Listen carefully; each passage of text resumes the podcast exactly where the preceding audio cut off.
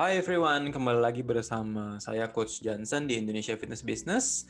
Hari ini kita ada bintang tamu, bukan bintang tamu sih lebih, lebih tepatnya seseorang yang saya undang untuk berdiskusi yaitu Coach Tika Gafar. Silahkan perkenalkan diri kamu. Halo semuanya, halo Coach Johnson. Uh, saya mau perkenalkan diri saya dulu. Nama saya Tika. Uh, saat ini uh, saya berprofesi sebagai uh, online personal trainer lah ya, boleh hmm. dibilang. Uh, saya juga alumni dari APKI. Apa 100% online? Uh, untuk saat ini iya sih. Karena pandemi ya. ya. Iya sebelumnya sih offline ya, cuman untuk se udah udah hampir setahun ini online lah. Hmm. Terus uh, ya selain se fitness trainer saya juga uh, corrective exercise specialist. Hmm, Oke, okay. corrective exercise specialist hmm. itu yang cukup menarik, tapi nanti kita akan gali lagi.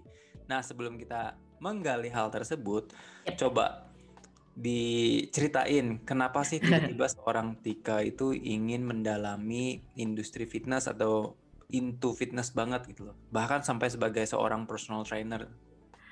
Ah iya, uh, oke okay. ini uh, throwbacknya adalah ya hmm. pasti dari pengalaman pribadi lah ya gitu. Hmm. Jadi uh, saya menemukan istilahnya life changing moments itu justru di dunia uh, melalui bukan di dunia melalui fitness atau latihan oh, dunia nanti ada dunia lain gitu nah ya kan jadi malah ada dunia apa gitu nggak nggak sih melalui melalui fitness gitu loh jadi um, sekitar berapa tahun ya? Sekitar enam tahun. Oh hampir tujuh tahun yang lalu gitu kayak um, uh, memulai memulai uh, journey di di di fitness gitu ya maksudnya dengan dengan pengalaman pribadi. Ya. terus uh, ya udah merasakan uh, manfaatnya yang ternyata nggak cuma belajar mengenai fisik. apa, apa apa itu life changing moment menurut... jadi pada saat itu pada saat itu saya ngerasa uh, di pekerjaan saya yang sebelumnya um,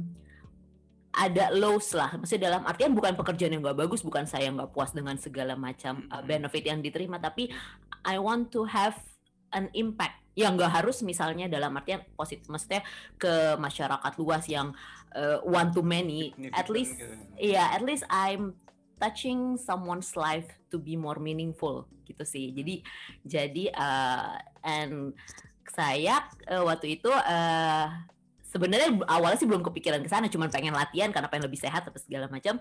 Terus di situ saya eh, terinspirasi dari coach saya saat itu. Hmm. Uh, dia tuh benar-benar dalam artian uh, coach yang sangat memotivate, mengencourage gitu. Jadi hmm. uh, benar-benar pada saat semua orang bilang oh nggak mungkin lah nggak mungkin bisa lah turun berat badan nggak mungkin bisa ini nggak mungkin bisa push up hmm, apa segala macam okay. uh, dia tuh yang ayo bisa uh, you can do it. Itu semua tuh uh, tergantung dari diri kita sendiri. Dan pada saat itu berhasil he doesn't take credit at all gitu. Dia cuma bilang loh itu kan kamu semua effortnya dia bilang gitu. So yes itu Jadi, itu life changing tuh kayak di saat lingkungan kamu itu kasarnya tidak suportif? Ya, ya sebenarnya kalau untuk keluarga sih suportif ya, cuman maksudnya ya, lingkungan tertentu lah ya. Ya lingkungan tertentu dan mungkin pada saat itu uh, kepercayaan diri saya juga lagi rendah gitu ya, oh. ya, jadi jadi uh, menemukan menemukan empowering momentsnya tuh di melalui fitness ini. Memang sih. pernah dibahas juga sih sebenarnya di mana di hmm. Women's Health and Fitness bahwa hmm.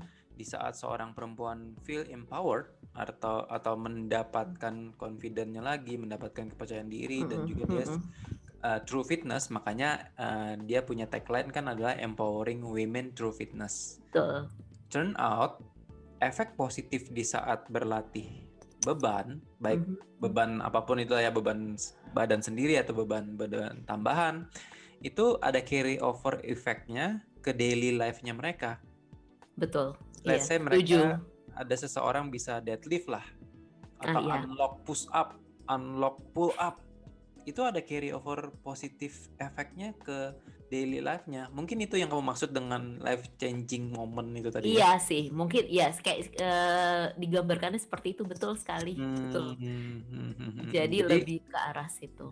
Keberhasilan di satu sektor itu akan terbawa ke sektor yang lain lah kasarnya part. Iya. of your life gitu ya. Iya betul karena di fitness ya balik lagi nggak cuma belajar soal fisik aja. Iya memang sih kita belajar strength tapi ternyata tapi, banyak Kenapa kamu tiba-tiba memutuskan, hmm, I think I want to become a coach? Uh, ya itu. mendapatkan pencerahan hidayah itu menjadi seorang ya juga ya. Jadi sebenarnya sih um, uh, awalnya memang uh, cuman buat diri pribadi aja sih gitu. Awal cuma buat diri pribadi terus uh, tiba-tiba uh, bukan tiba-tiba sih lingkungan sekitar juga um, pada saat itu ya karena belum mendapatkan ilmu dari dari dari sertifikasinya APKI ya oke okay, aku masih masih ngajarnya sekitaran uh, teman-teman aja gitu. Terus um, turns out mungkin mereka melihat mungkin itu dia ya kenapa seseorang butuh coach coach juga gitu. Turns out mereka melihat kenapa sih nggak diseriusin aja gitu dalam artian oh. kenapa uh, kenapa nggak uh, you dia, kamu punya dibilang uh, waktu itu sorry ya ini ini kan karena temen lo oke okay kok untuk ngajarin you're not you're not intimidating tapi you're you're motivating kenapa nggak diperdalam lagi ilmunya gitu apalagi kalau jangan jangan karena karena teman jadi bermulut manis. Nah itu dia kan itu dia terus dia gitu masa sih masa sih? Oke okay lah kita coba gitu kan terus penasaran juga gitu kan. itu tahun berapa itu 2000 um, 2000 pokoknya sebelum saya ambil fitness trainer itu 2017 kali ya. Masih fitness embassy-nya masih hmm, belum ya, yang ruangan 2017, baru. 2017. Ya, ya sekitar situ si coach. Terus udah deh udah mulai udah mulai oh oke okay, ilmunya seru juga nih gitu kan. Maksudnya banyak banget yang dipelajari gitu. Terus nah, ini itu pendengar perlu perlu tahu nih bahwa sebagai coach itu kalau mau diseriusin itu nggak mudah gitu karena kan kebanyakan orang ada yang ngomong ah jadi trainer mah cuma ngitungin repetisi katanya gitu. Nah, aduh ya sih bener iya, aduh ada yang ngomong begitu kan betul betul betul ngitungin nah, repetisi bikin keringetan doang gitu profesi aja ada yang memandang sebelah mata, apalagi trainernya perempuan. Mm. Nah, boleh dong sharing pengalaman kamu sebagai trainer perempuan, sudah trainer perempuan berhijab. gitu. Kendalanya dikali itu udah tri, single, double, triple gitu ya kan. Gimana tuh? Ada nggak yang bisa di-share? kendalanya sih yang meragukan banyak. Jadi, tepatnya kerikil-kerikilnya selama perjalanan itu. Kerikilnya banyak. Udah pasti satu dari segi hmm, gender lah ya gitu dianggapnya. Aduh, oh, perempuan, lah. Maksudnya kita bisa lihat aja pada saat waktu saya ngambil uh, workshop eh sertifikasi fitness trainer itu itu kata coach Johnson yang paling banyak batchnya perempuan pertama kali. Sebelumnya iya, lebih iya, dikit iya. lagi. Sebelumnya lebih dikit lagi. Soalnya lebihnya sekarang banyak banget perempuan. Dulu awal-awal ya itu wah. 90 90 iya. satu laki-laki. Wah pokoknya perempuan di depan deh waktu itu kalau nggak salah duduknya jadi itu um, balik lagi dari segi gender ya dianggap ya pastilah kita lebih lemah. Terus belum lagi uh, usia. Waktu itu kan saya juga bukan yang masih gadis berusia 20 tahun gitu kan ya. Jadi uh, itu juga terus bukan seseorang yang datang dari industri kebugaran atau punya hmm, background background ya. fitness. Ya. Hmm. Jadi uh, kendalanya kendalanya banyak banyak yang meremehkan juga uh, dalam artian dengar selentingan-selentingan uh, oh sekarang mah gampang lah ya jadi jadi pelatih kebugaran kayak siapa aja bisa gitu maksudnya hmm. uh, maksudnya begitu gitu kesannya jadi uh, pelatih kebugaran tuh nggak mentingin kualitas padahal nggak tahu aja ujiannya iya iya iya iya, iya. gitu Bahkan jadi setelah lulus masih harus belajar ya sampai seterusnya kayaknya kayaknya ilmunya kurang terus gitu kan. Nah kalau yang dari sisi perempuannya nih oke okay, perempuan maksudnya uh, omongannya hmm, gimana ya? Ya dalam artian nih apalagi saya berhijab gitu nggak mungkin ya. dong. Saya bikin konten yang yang yang two piece yang yang ini pakai bikini pakai BH dan celana dalam itu Iya gitu kan terus eh, nggak uh, mungkin mau bikin video juga yang oke okay, caranya uh, let's say kan kalau sekarang video-videonya kan hmm, uh, uh, train your shoulders, train your abs gitu tuh sambil ngeliatin garis-garisnya kan nggak mungkin. Sambil nonggeng-nonggeng. Train your glutes gitu kan nggak mungkin gitu kan saya juga bikin konten yang kayak gitu. Ya, Jadi paling paling gampang jualan lewat fisik dah. Ya dan apalagi memang kan industri kebugaran estetik ya, sekali ya, gitu kan. Uh, jadi uh, kendalanya adalah ya itu tadi uh, mungkin mungkin nggak yang uh, balik lagi ya. Uh, ada fitness trainer yang mungkin pengen likes-nya banyak, followers-nya banyak atau mungkin uh, ah, exposure-nya besar gitu kan. Ya ini sih cuman cuman pengalaman pribadi kalau posting misalnya before after atau posting apps itu pasti likes-nya lebih banyak dibanding kita posting konten yang isinya materi tulisan berjam -jam, edukasi. bikin kanvanya berjam-jam eh likes-nya ya, ya ampun. ya, ya oke okay lah ada yang baca gitu kan gitu. Jangan salah loh seperti tadi paginya mungkin karena mereka tidak menyampaikan aja bahkan tadi pagi di grup aja yang bilang wah I love Coach Tika punya posting kemudian uh, mereka sangat apresiasi sekali. Aduh aduh makasih banget. Itu uh, coach coach di di grup API maksudnya itulah senangnya kalau punya ya maksudnya punya komunitas atau punya hmm. punya dari APKI terutama saling support gitu. Itu membantu sih. Dan balik lagi kendala-kendala yang saya hadapi sebagai perempuan apalagi berhijab gitu kan itu menjadi menurut saya menjadi insignifikan ketika ketika kita bisa ketemu satu komunitas. Dalam hal ini saya seperti APKI gitu yang saling hmm. support gitu. Jadi jadi kendala sih saya nggak mungkin bilang nggak ada ya. Cuman how we overcome aja gitu jadi jadi instead of fokus ke kendala yang kamu mm-hmm. alami lebih baik kamu fokus shifting untuk lebih kebermanfaatan kamu lah ya sebagai yeah, betul. Kita punya uniqueness ya gitu. Jadi kalau emang kita nggak bisa bikin konten-konten seperti yang tadi Coach Johnson bilang dengan bikini dan segala macam, kita bikin konten yang lain itu kita akan menjadi lebih unik atau lebih beda, diferensiasi sih. Itu itu dia sih yang mau kita emphasize di Hapki juga, karena kan selama ini kan orang uh, selalu mengaitkan atau menghubungkan uh, trainer itu badannya harus besar, kemudian harus ya layaknya binaraga atau ya berotot-otot besar itulah yang laki-laki Nah, ya, pola pandang tersebut kita berusaha untuk supaya masyarakat, hey, kalau trainer itu sebenarnya ada beragam wujudnya, beragam Betul. spesialisasinya gitu loh. Memang uh, bukan hal yang mudah. Misalnya setiap Kamis kita kan ada program High Coach, kita perkenalkan backgroundnya, kemudian passionnya, dan kenapa mereka ingin jadi coach itu benar-benar apa ya? It will take time sih. Karena kan merubah sesuatu nggak nggak mudah lah ya apalagi iya, yang betul. sudah menjadi menjadi mengakar di masyarakat itu. Betul. Nah tadi kamu mention tentang corrective exercise specialist. oh, iya. What is actually corrective exercise? Okay, I believe jadi, ini ISSA ya Iya. Punya ya apa? Uh, National Sports Science, Science Association. Association. Association. Ya. Iya. Jadi uh, mungkin uh, brief aja sebenarnya uh, sebelum disalahpahami gitu ya corrective exercise karena mungkin uh, bukan berarti agak, something wrong ya.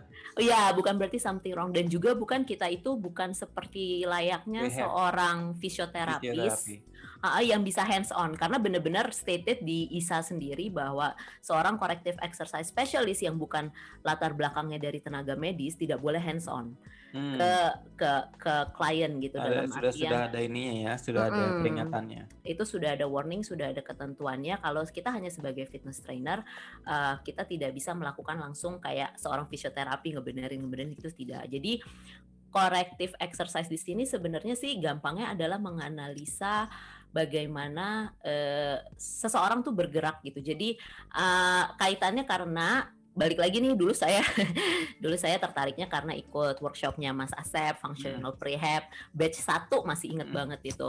Very very padat very berasap tapi menarik. Sangat menarik uh, bahwa ini lah ya menganalisa uh, uh, low quality movement ya. Ya betul. Karena kadang-kadang kita suka ngerasa nyeri nyeri nyeri uh, sebenarnya bukan karena bukan karena uh, sesuatu yang berhubungan dengan medis ada ada yang berhubungan dengan medis harus menurut, diperiksa. Menurut kamu uh, tapi kan kamu sudah bermodalkan fitness trainer course sudah mengambil lah. Jadi uh, uh. belajar di di corrective exercise akan lebih mudah Nah, um, kira-kira yeah. kalau misalnya seseorang nih mereka nggak punya, ya mungkin uh, otodidak belajar, cuman kenal fitness atau latihan-latihan aja, langsung ngambil korektif uh, course corrective exercise itu, menurut kamu akan susah atau, atau gimana? apa sih experience yang kamu dapatkan saat belajar tentang corrective exercise itu?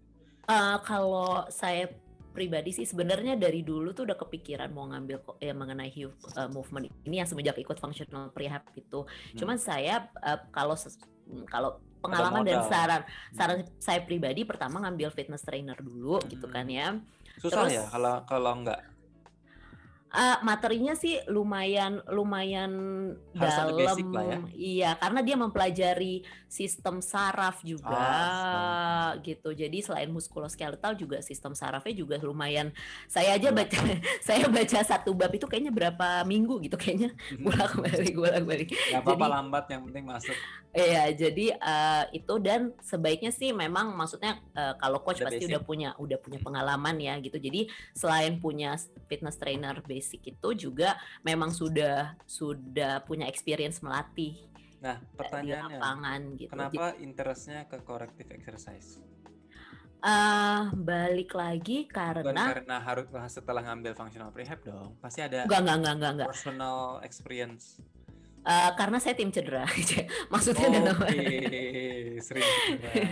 jadi pernah, jadi maksudnya uh, merasakan sendiri bahwa waktu itu juga sama sama terapis sih gitu. Jadi saya fisioterapi dan dan sebenarnya nggak ada masalah apa-apa gitu, nggak ada masalah medis atau apa. Tapi memang karena saya melakukan gerakannya tidak berkualitas hmm. dan berulang-ulang gitu. Jadi menurut menurut Coach Tika mm -hmm. dari 1 sampai 10 nih, mm -hmm. seberapa penting kualitas gerakan harus diakses? Aduh, ini jadinya 210. Sub, subjektif nih, subjektif nih jadinya. Ya memang, ini pertanyaan dari 1 sampai 10. 10 paling penting, satu nggak penting. Menurut saya ya, eh, lebih dari 10. 10 sih. Ini udah kan skalanya 10 kok, juga jadi lebih dari 10. Jangan kita pentokin aja 10 biar nggak pusing. gitu. Jadi um, kalau saya bilang sih pentingnya dalam artian uh, memang gerakan tubuh manusia itu kan kayak seni gitu loh nggak ada pakemnya orang A sama B kan pasti anatominya beda gitu Betul. kan. Itulah seninya tuh di situ juga sih yang kita terapin di klien A juga juga bisa beda di klien B mungkin nggak sama gitu. Apa Jadi, yang membutuhkan uh, assessment quality of movement ini? Maksudnya? Eh siapa oh. yang membutuhkan? Oh jadi orang kalau... yang sudah merasakan kah? Atau sebelum nah, kena banyak. Sebenarnya sih kalau dari dari ilmunya sih harusnya ada dua proaktif dan reaktif ya. Cuman kan di kenyataannya nggak pernah. apa itu proaktif reaktif? Jadi uh, proaktif itu adalah uh, ketika misalnya ya seorang atlet atau seseorang itu dia merasa dia belum merasakan pain nih tapi dia merasa ada ada yang sepertinya ada yang something salah off. dengan gerakannya. Something hmm. off. Ada yang aneh. Mungkin ada yang nyangkut nyangkut sedikit hmm. atau ada yang uh, ada pain uh, ada dose sedikit uh, uh, nggak ini ya yang nggak, nggak bukan penanganan medis nggak major, cuman dia merasa itu kayaknya bisa impact ke daily life mungkin atau ke kerjaannya dia sebagai atlet. Nah kalau yang reaktif bisa menjadi lebih parah kali ya. Ya, nah kalau reaktif biasanya udah lebih parah tuh coach, udah berasa mulai sakit, nggak bisa jalan, lutut nyut-nyutan, nggak bisa bangun apa segala macam, baru tuh mencari mencari solusi dalam artian mungkin reaktif, ke ya. fisioterapis ya. dulu gitu. Reaktif itu artinya kalau sudah merasa sakit, kemudian baru kita uh, mungkin Nextnya, lebih tepatnya uh -uh. tidak mendengarkan sinyal dari tubuh sampai betul kita abuse dulu sakit dulu yeah. baru kita uh, berusaha untuk menyehatkan atau memperbaiki kerusakan yeah. tersebut kali ya iya itu saya sih dulu juga begitu reaktif ya saya sih setuju ya karena kadang-kadang uh, kita karena terlalu apa ya sama seperti nyetir lah ya di saat kita mm-hmm. awal-awal nyetir itu kan waktu belajar kan wah oh. bener-bener pay attention ke mana kiri kanan spion kemudian setir giginya juga tapi makin lama makin ya udahlah nyetir kayak gini aja mm-hmm. sehingga mm-hmm. tekniknya itu kasarnya tuh lebih lalai Iya, nah, iya sama betul. halnya dengan kita doing exercise daily setiap hari lama-lama kualitasnya pasti menurun jadi ada baiknya. Nah ada nggak sih saran buat dari coach Tiga uh, seberapa sering kita harus reassess our movement misalnya squatnya deadliftnya pressing pulling movementsnya ada nggak suggestions Jadi sebenarnya kalau menurut, jadi kan uh, sebenarnya korektif exercise ini ilmunya bisa dipakai nggak harus program korektif. Jadi sebenarnya bisa dipakai ke ilmu program training general coach gitu. Jadi uh. kita lagi training biasa aja, uh, kan kalau korektif exercise memang kayak misalnya berfokus pada satu yang sakitnya, satu yang perlu di benerinnya gitu kan. Tapi kalau general training program kan enggak ya sebenarnya ya ya memang tergantung goalsnya masing-masing. Apakah dengan menerapkan in, uh, attentional focus misalnya seperti main muscle connection termasuk corrective exercise? Uh, itu bisa, cuman sebenarnya juga ada analisa dari segi misalnya uh, sudut, sudut oh, dia, oh. sudut dia squatnya, terus sudut Lebih pada saat objektif ya uh, sudut pada saat dia uh, overhead gitu ya ngangkat gitu. Hmm. Sebenarnya ada ada hitungannya seperti itu juga gitu. Jadi uh, main muscle juga pasti ditekankan karena itu hubungannya yang tadi saya bilang dengan uh, sistem kenapa kita belajar sistem saraf di korektif karena hubungannya dengan itu gitu. Hmm, jadi jadi, jadi lebih menjelaskan ya. Mm-mm, jadi mind muscle connection uh, salah satu salah satu elemen yang memang harus juga dimasukkan sih dalam pro, uh, corrective exercise. Kalau untuk assessmentnya sendiri, sebenarnya di corrective exercise itu ada setiap uh, kalau dia lagi mengikuti program itu setiap uh, oh, ada programnya ya? Maksudnya memang program khusus korektif gitu. Jadi oh, misalnya oh, ada. bisa dibikin sendiri gitu ya? Ah, uh, bisa misalnya kayak kayak dia let's say keluhannya masalahnya di movement lower body gitu ya misalnya di lutut gitu kan hmm. gitu itu ada untuk program korektifnya gitu misalnya apa aja gitu karena memang korektif sendiri ada empat fase empat fase latihan jadi ada uh, stretching ya maksudnya yang hmm. kayak ada yang uh, apa namanya uh, SM, uh, myofacial ah, release ah, iya, iya. gitu. Hmm, Terus hmm. nanti ada activation, ada strengtheningnya gitu. SMR itu, ah, self uh, uh, facial release. Release ya gitu. Jadi um, nanti pas udah udah terakhirnya tuh di put it all together gitu. Jadi jadi kayak functional movement. Hmm. Seperti itu assessmentnya. Nah itu biasanya itu kan assessmentnya membutuhkan kemampuan dari ahli misalnya seseorang yang sudah spesialis. Cuman kalau misalnya kita nih eh, masyarakat awam atau pendengar mm. yang yang mm kepengen menerapkan mm-hmm. uh, corrective exercise mm-hmm. punya punya prinsip ini bisa juga nggak ada nggak saran untuk pendengar yang bukan spesialis? Uh, pay attention to movementnya kah atau bagaimana kira-kira? Iya, uh, kalau kalau memang bu, uh, sebenarnya sih uh, ini bisa diterapkan sih dalam dalam uh, sehari-hari juga kayak sebenarnya common corrective exercise tuh nggak susah-susah sih coach kayak self assess plank untuk assess. Nah, self assess, assess okay. diri sendiri assess atau diri. gimana? Assess diri sendiri sebaiknya sih memang ada kalau menurut saya hmm. sebaiknya harus ada pihak satu lagi either karena either, kita ini ya uh, sangat-sangat um, apa bias kalau menilai diri sendiri. Oh, gue kuat kok. Alah lu udah ngos-ngosan. Nah, uh, eh, gue oke okay kok uh, squatnya, push upnya enggak. Ada, ada, gitu. juga, ada juga yang bilang, oh gue udah gak kuat lagi. Taunya males aja kita but kita aja butuh coach yeah, gitu kan coach, ya gitu. Yeah.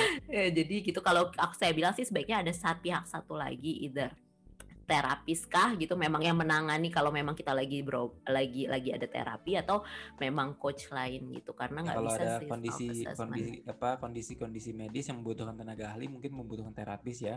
Iya atau dokter. saya sih uh, corrective exercise ini adalah good skill to have. Karena kan kita juga ingin yeah, supaya betul. klien kita injury free.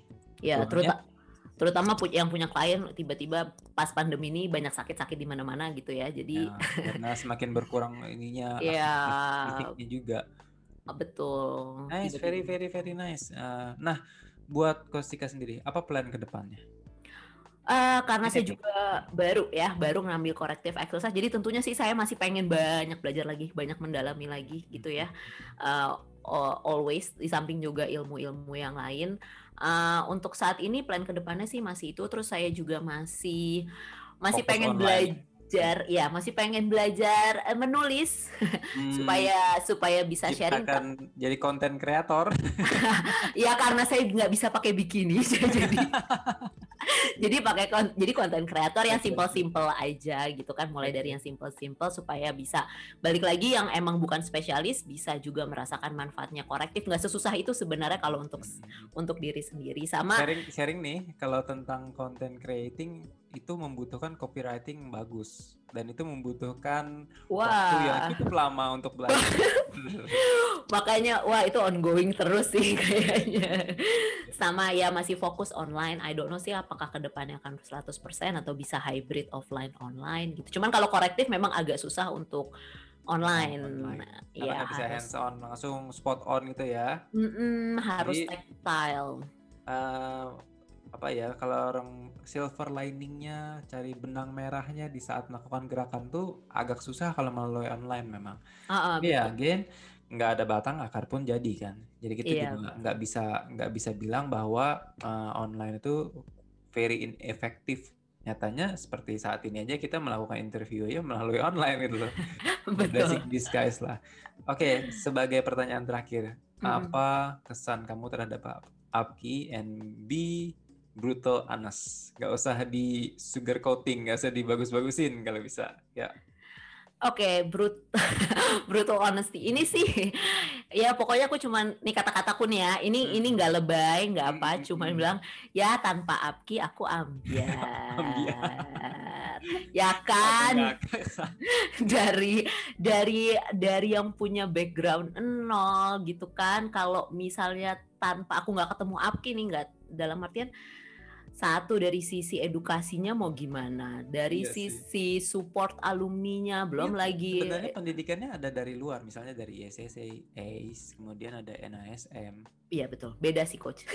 Maksudnya dalam aku cuma bisa satu kata beda karena apa? Karena yes kita betul kayak di ISSA atau NASM ada mentor gitu mm. kan ya, tetap ada mentor. Cuman it's very different ya dibanding support group uh, uh, dibanding Apki Support. Belum lagi artikel-artikel Coach Johnson tiap pagi. Wah, ini kemarin kata siapa postingannya ya, TOEFL-nya setidaknya minimal nambah lah gitu. Dimas. Oh, Coach Dimas seperti biasa. ya kayak gitu. Jadi um, beda sih menurut Tapi yang saya, saya senang juga lah bahwa ya, Apki itu beyond one person. Maksudnya ya memang saya founding it cuman setelah berjalan saya aja merasa mendapatkan benefitnya gitu loh karena saya lihat banyak sekali yang tiba-tiba si A kerjasama dengan si B kemudian oh yang ini belajar sama si C gitu jadi ada interaksi between alumni itu itu kayak wah itu emang itu it, feeling itu yang memang memang maksud saya sih Apki memang raising the hmm, bar ya, raising the bar di dalam standar industri thank kebugaran you, gitu. Jadi okay. Leslie, mm -mm. ada pesan nggak ke coach mungkin atau ke masyarakat atau sesama perempuan? Mungkin fitness coach calon fitness coach perempuan baru atau gimana? Uh, pesan saya sih cuman ini lebih ke bis, ke semuanya bisa sih ya. Okay. maksudnya ke ke setiap orang yang lagi sedang berprogres mungkin adalah keep surprising yourself. Uh, jadi uh, 10 tahun yang lalu nggak ada yang bisa nebak juga saya tiba-tiba jadi pelatih kebugaran saya tahun saya, lalu kita nggak kepikiran ada online coaching. Tak ya, benar. Tahun lalu nggak kepikiran ada online coaching. Tiba-tiba ya oke. Okay. mau nggak mau gitu kan. Jadi ya keep surprising yourself. Nggak tahu lah misalnya tak misalnya kita sekarang nggak kepikiran mau ngambil sertifikasi apa mau belajar apa. Tapi uh, kalau nggak dijalanin kita nggak tahu. Jadi minat kita tuh bisa ketemunya. Artinya keep surprising yourself ini adalah berani atau dare to take step. Berani untuk melangkah, Betul. untuk mencoba hal-hal baru yang kamu takuti itu mungkin ya. Iya, lebih tapi takut gitu loh. Iya, nggak ada ruginya sebenarnya gitu kan nggak ada ruginya just hmm. coba aja ya kalau ya cuman satu kalau gagal ya ya gagal udah gitu tapi kan nah, you learn dari you win you learn itu aja udah. Ya tapi kan masih sehat-sehat aja gitu kan nggak apa-apa. Kecuali mungkin yang lebih sifatnya fisik hati-hati ya kalau mencoba sesuatu yang baru. Iya iya iya iya. Katanya kok sih kak gue uh, yeah. uh, yourself gue nyoba uh, terbang. yang ekstrim gitu. Iya, terbang dari tebing nggak pakai lompat dari tebing gitu kan. Ya nggak gitu juga. That's very nice. Ada lagi? Ya, untuk uh, perempuan nih untuk sama coach perempuan, uh, saya cuma bisa bilang, I, I, saya tuh nggak bisa sugar coating ya dalam artian, uh, saya cuma bisa bilang, um, kerikil tadi kata coach Johnson hmm. pasti ada, pasti ada gitu aja. Jadi jadi itu sesuatu yang saya nggak bisa bilang, oh nggak bakal ada kok everything's gonna be fine. Oh, ah, gitu enggak ya. Cuman yang paling penting adalah tadi menurut saya sih kalau jalan yang kiri ini ditutup nggak bisa belok dalam artian nggak bisa bikin konten yang gimana gimana carilah jalan lain jalan gitu. ha, jadi jalan alternatif lah ya. Jalan alternatif. Pokoknya setiap orang pasti punya uniqueness gitu aja sih coach. Nice very nice. Thank you banget sama-sama coach. Aku yang thank you deh bisa bisa ngobrol-ngobrol. seluruh pendengar semuanya ini. Ini episode yang apa ya sangat di yang saya pribadi sangat nanti nantikan karena sebenarnya udah lama ingin interview kamu. So this is it. Thank you banget and semoga bermanfaat untuk seluruh pendengar. Sampai jumpa di lain kesempatan. Thank you Kosika. Thank you Coach Johnson. Bye. Bye everyone. Thank you.